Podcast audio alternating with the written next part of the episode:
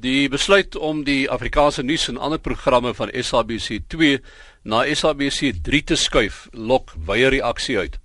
Ook Monitor en Spectrum luisteraars wou weet waarom hulle nie meer die nuus om 7 op weekdae op SABC2 sal kan kyk nie, aangesien SABC3 in dele van die Noord-Kaap, groot dele van die Noord-Kaap, Oos-Kaap en die Wes-Kaap nie opgevang word nie.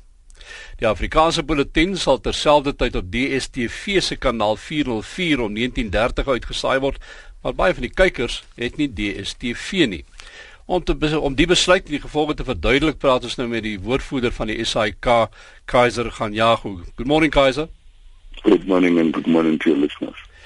Uh Earlier, at the, uh, the beginning uh, of the World Cup, the assurance was given to Afrikaans uh, viewers that uh, it was a temporary measure to move uh, the news bulletins to SABC3. The World Cup's gone. They've been confronted suddenly with uh, a fait accompli that this is now how it's going to be.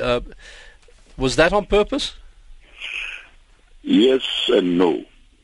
When we started the World Cup, obviously the shift of programming was uh, all temporary to accommodate the World Cup. But when I came to the studio the other time uh, on RSG, and I indicated that if there are any other changes that will happen, we will announce at the time where, when when that happens, which was now announced early in this week. And the reason behind that is nothing to do with Africans uh, it's, it's an overall change because the changes that we are talking about is changes that not only happen to the Africans news but happen to the whole three television channels where research has been done and people, there's been an indication that if we change the schedule from of SABC 1, 2 and 3 in the manner that has, has been done, the results will be us being able to capture yeah, the, the uh, people who will be watching it uh, over a period of time because it's not meant just for a specific uh, time slot. It is meant for the whole period. Let it be maybe, for example, say this is prime time. This is how things are going to be moved. Because as, as you can see, I don't know whether you have seen the press statement mm-hmm. where it explains that channel the channels SABC 1, 2 and 3 will have the changes as follows. There are new dramas, there are new soapies, there are new time slots for different programs. Therefore, it is not meant in any way to deal with the Afrikaans uh, language per se, but it is a way that has been researched and found out that it will be suitable to have it in that particular order. Who did that research? It was done by the people at television. I think they got outside people to help them with the research, and but it was something that they did over a long period of time. The the move, and I hear what you're saying about um, a, a, broad sort of strategy, but the the, the fact is, uh, it seems that the the group that that's going to be impacted the most by this decision uh, is the Afrikaans-speaking group. Uh, if it's aimed at getting more viewers, uh, I'm, I'm, trying to get some sense out of uh, a strategy that's going to mean that you're actually going to lose a large part of exactly that group that makes out one of your strongest viewing groups. Yeah, obviously we will look at uh, what the impact of this thing is going to be. But one thing that has to be made very clear, and, and, and, and I, I keep emphasizing this, is we appreciate the fact that any change will have repercussions in one way or another.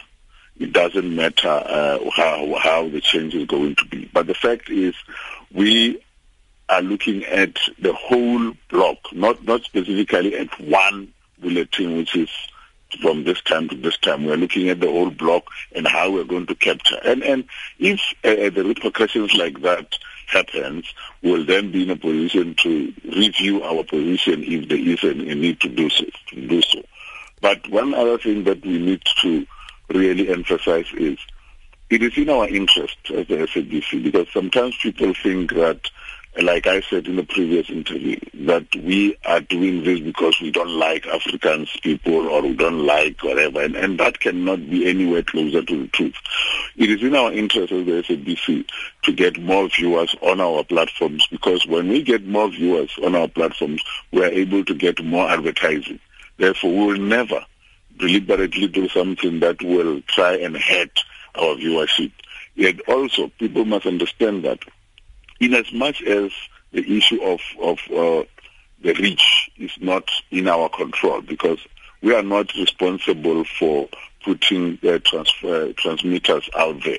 But it is in our interest to do that because if you remember few uh, for past two, three years, we have taken money out of the SABC to go out to areas where people are not able to reach our channels and put out low power transmitters. Because the reason for us, even though transmitters are not our, our responsibility, we felt it was important for us to do so and work with Sentech on it and make sure that we, the people who are not able to reach us, are able to do so because it is their right to information. Mm. And we'll continue to make sure that the whole of the country ultimately receives all our, our channels because it is in our interest for us to do so. Guys, who was involved in the, the, the process of deciding on this? Because um, I hear what you're saying about the TV guys doing the research, but the mm. decision surely was was was taken elsewhere, and uh, we're getting feedback, for instance, that people who, uh, some of the producers, the manufacturers of uh, our programs, weren't even consulted in this. Uh, so it seems to be a pretty one-sided decision. This. The decision is taken by, the scheduling decisions are not taken by anybody outside of the SABC. All the scheduling decisions are taken by the people at the SABC. Therefore, uh, to for anyone to suggest that the decision are taken somewhere else, it's just misleading. We this is made out of research. We look at everything and then all the people, they are scheduling people in the SABC, there's management of television who sit down and look at all of those things and make those decisions. Therefore, they will only consult you if there is a need for you to be consulted. It doesn't necessarily mean that when every time schedules are done, schedule, uh, therefore everybody will be consulted. It is a matter of making sure that it is suitable and also to avoid uh, competition within the, the, uh, SABC itself because we cannot have a situation where uh, programs compete against each other, for an example.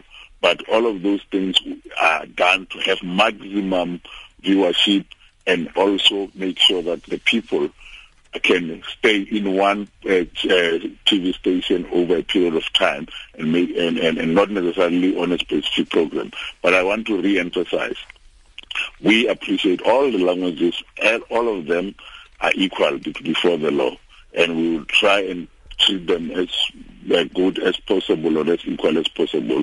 We have got nothing against Africans listeners, and this decision was never meant around those uh, people.